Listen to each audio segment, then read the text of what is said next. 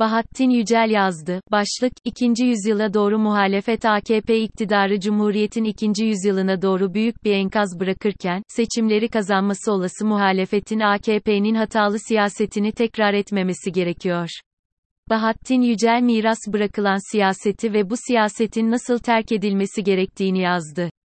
Türkiye, Cumhuriyet'in 100. yaşını kutlamaya hazırlanırken, dünyayı saran dijital devrimin kaçırılması olasılığı artıyor. Sanayi devrimini fark edemeyen 19. YY başlarındaki Osmanlı yönetim anlayışının günümüze uyarlanmış halini yaşıyor gibiyiz. İktidar ya da muhalefet ayrımı gözetmeden, siyasal partilerin önceledikleri sorunlar ve çözüme ilişkin önerileri, dünyanın gündeminden hayli farklı. Cumhuriyetin ilk yıllarında başlatılan eğitim seferberliği aydınlanmanın bu en önemli bileşeniydi. Oysa bu konuda sürdürülebilirliğin sağlanamadığı çok açık.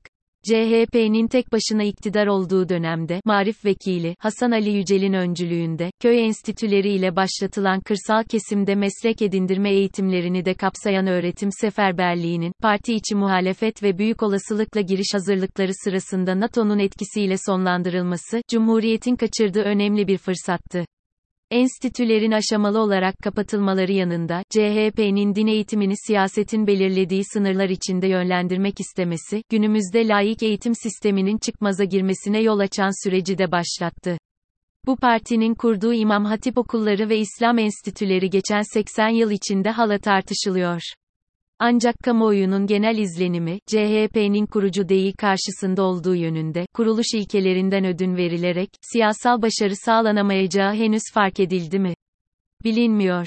Geride bıraktığımız 20 yılda AKP'nin kararlı dönüştürme programlarının, AB ve ABD'nin bölgeye ilişkin politikalarıyla uyuşması, ilginç sonuçlar doğurdu. Örneğin Cumhuriyet'in kuruluş aşamasında gözetilen, ancak günümüz koşullarında yoksulluğu çözecek mesajları içermeyen, laiklik, çağa uygun eğitim ve bağımsız yargı kavramları, AKP iktidarında alt üst edildi. Yukarıda sayılan konulara yaklaşım seçmende karşılık bulamadı. Toplumun farklı kesimlerinde en önemlisi muhalefetin gündeminde değişimin yeterince önemsendiğine ilişkin belirtilerin zayıflığı gözlerden kaçmıyor. AKP'nin ağır ekonomik koşullara karşın, bazı kamuoyu araştırmalarına göre birinci. Parti konumunu sürdürmesinin ardında, muhalefetin henüz yeterince odaklanmadığı dış gelişmelerin etkileri olmalı. Örnek, geçici sığınmacı statüsü tanınarak, ülkeye girişlerine izin verilen Suriyeliler. Dramatik biçimde düşen, tarım ve hayvancılık üretimi. Kırsalda azalan nüfus köylerin mahallelere dönüştürülmesiyle, büyük şehirlerde ortaya çıkan, kentli yoksulluğu, olgusunun, sanda etkilerinin sanılandan daha fazla olacağı anlaşılıyor.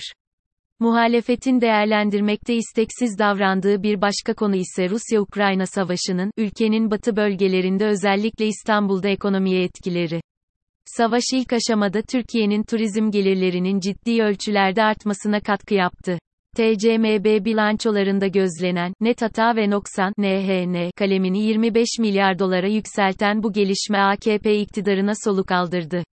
AKP, iki ay yaş diyerek küçümsediği, CHP'nin kurucularının 1930'ların ortalarında dünya siyasetindeki gelişmeleri doğru okumalarıyla imzalanan, Montreux Anlaşması'nın yararlarını Rusya-Ukrayna savaşında gördü.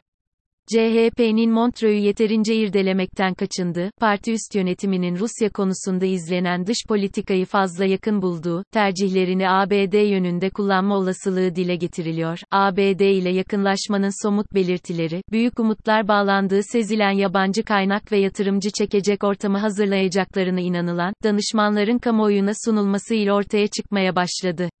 Ülkede sistemi köktenci anlayışla değiştirecek, kazanç yerine tüketim ile ithalattan vergi alınmasındaki orantısızlığa son verecek önlemleri sıralamadan, ABD'de yıldızları parlayan ekonomistlerin, CHP'ye seçimler ve sonrasında beklediği sonuçları getirip getirmeyeceğini şimdiden kestirmek güç. Oysa dağ gibi büyüyen sorunlarının çözümü, ülkede gerçekler ile doğrular arasındaki ilişkilerin sağlıklı kurulmasından geçiyor tohumlarını yeryüzünde ilk kez ehlileştiren geçmişine karşın, savaşan iki taraftan buğday ithal etmek zorunda kalan bu topraklarda yaşadığımız unutulmamalı. Nokta. Tarım arazilerinin veraset yoluyla bölünmesini engelleyecek önlemleri tartışma önceliğinden vazgeçmenin, gelecek kuşaklara karşısındaki sorumluluğu göz ardı edilemez. Farklı görüşlerdeki 5 partiyi bir araya getiren, CHP'nin yoğun çabalarıyla oluşturulan Millet İttifakı'nın, AKP'nin politikaları sonucu oluşan ağır ekonomik sorunlar dışında, ülkenin idari sorunlarının nasıl çözüleceğine ilişkin görüşlerinin de beklendiği ortada. Yerel yönetimlerin güçlenmesi, eğitim, sağlık ve güvenlik konularında merkezin yetkilerinin yerel yönetimlere devri konuları yakında açıklanacak vizyon belgesinde yer alacak mı, birlikte göreceğiz. Türkiye'nin sorunlarını çözebileceklerine inanılan danışmanların, bilgi ve becerilerini sorgulamak ya da eleştirmek bu aşamada kuşkusuz çok erken. Beklenmedik hızla çok kutuplu siyasal yapılanmaya evrilen günümüz dünyasında, ülkemizin koşullarını ve gerçeklerini yeni liberal görüşleriyle tanınan danışmanlar yerine siyasetçiler ve siyaset kurumunun belirleyeceğine kuşku yok.